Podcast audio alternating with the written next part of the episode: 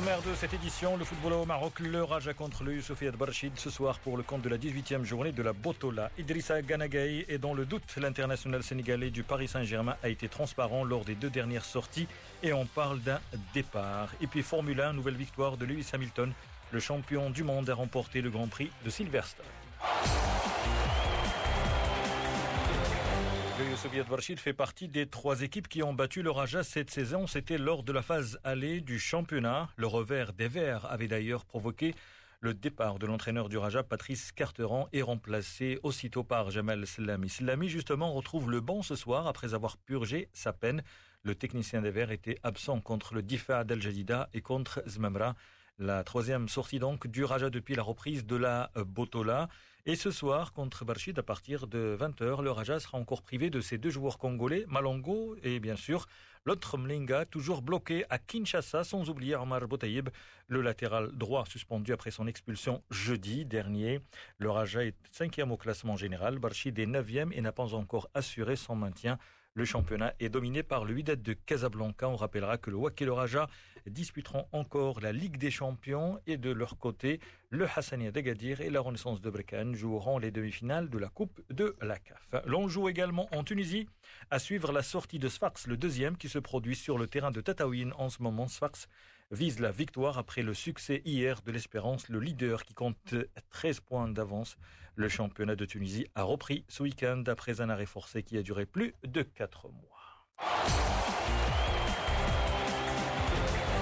L'avenir d'Idriss Ganagay est à la une de l'actualité du Paris Saint-Germain. L'international sénégalais a réussi une très belle saison avec le champion de France, mais les deux dernières sorties du milieu de terrain parisien n'ont pas été à la hauteur. D'ailleurs, L'entraîneur allemand du Paris Saint-Germain, Thomas Tuchel, l'a reconnu.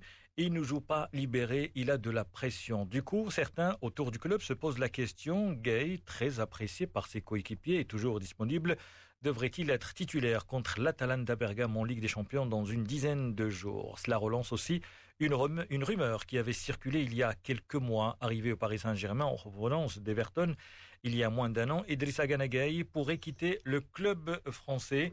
Le directeur sportif du Paris Saint-Germain n'aurait pas été totalement convaincu par les prestations du milieu terrain sénégalais et serait déjà prêt à se séparer de lui. En effet, le Brésilien désire recruter Savic qui joue au même poste que Gay. Leonardo a fait du milieu serbe de la Lazio sa priorité, sauf que le Paris Saint-Germain pourrait faire face à une rude concurrence dans ce dossier et une possible vente d'Idriss Nagaï pourrait lui permettre de rassembler les 80 millions d'euros réclamés par le club italien.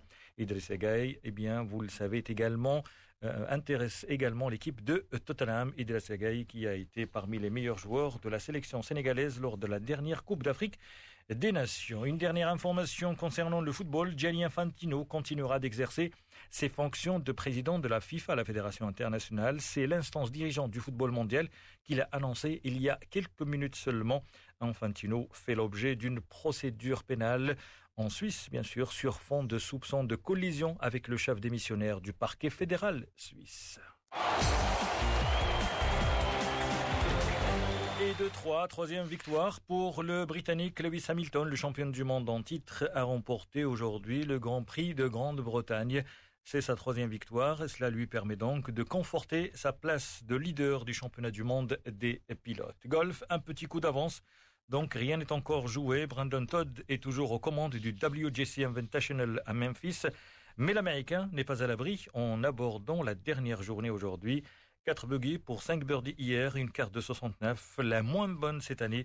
Le tenant du titre, Brooks Koepka, est à l'affût. Le tennis pour finir, l'Australien Nick Kyrgios ne disputera pas l'US Open prévu du 31 août au 13 septembre et ce en raison des risques liés à la pandémie du coronavirus aux États-Unis. La décision du 40e joueur mondial était attendue après son forfait pour le Masters 1000 de Cincinnati délocalisé à Flushing Meadow la semaine précédente et bien entendu juste avant le tournoi du Grand Chelem. Comme lui, sa compatriote Ashley Barty, la numéro 1 mondiale chez les dames, a également renoncé cette semaine à participer à l'US Open. C'est la fin de cette édition. Merci de votre fidélité. Excellent début de soirée à l'écoute de Média.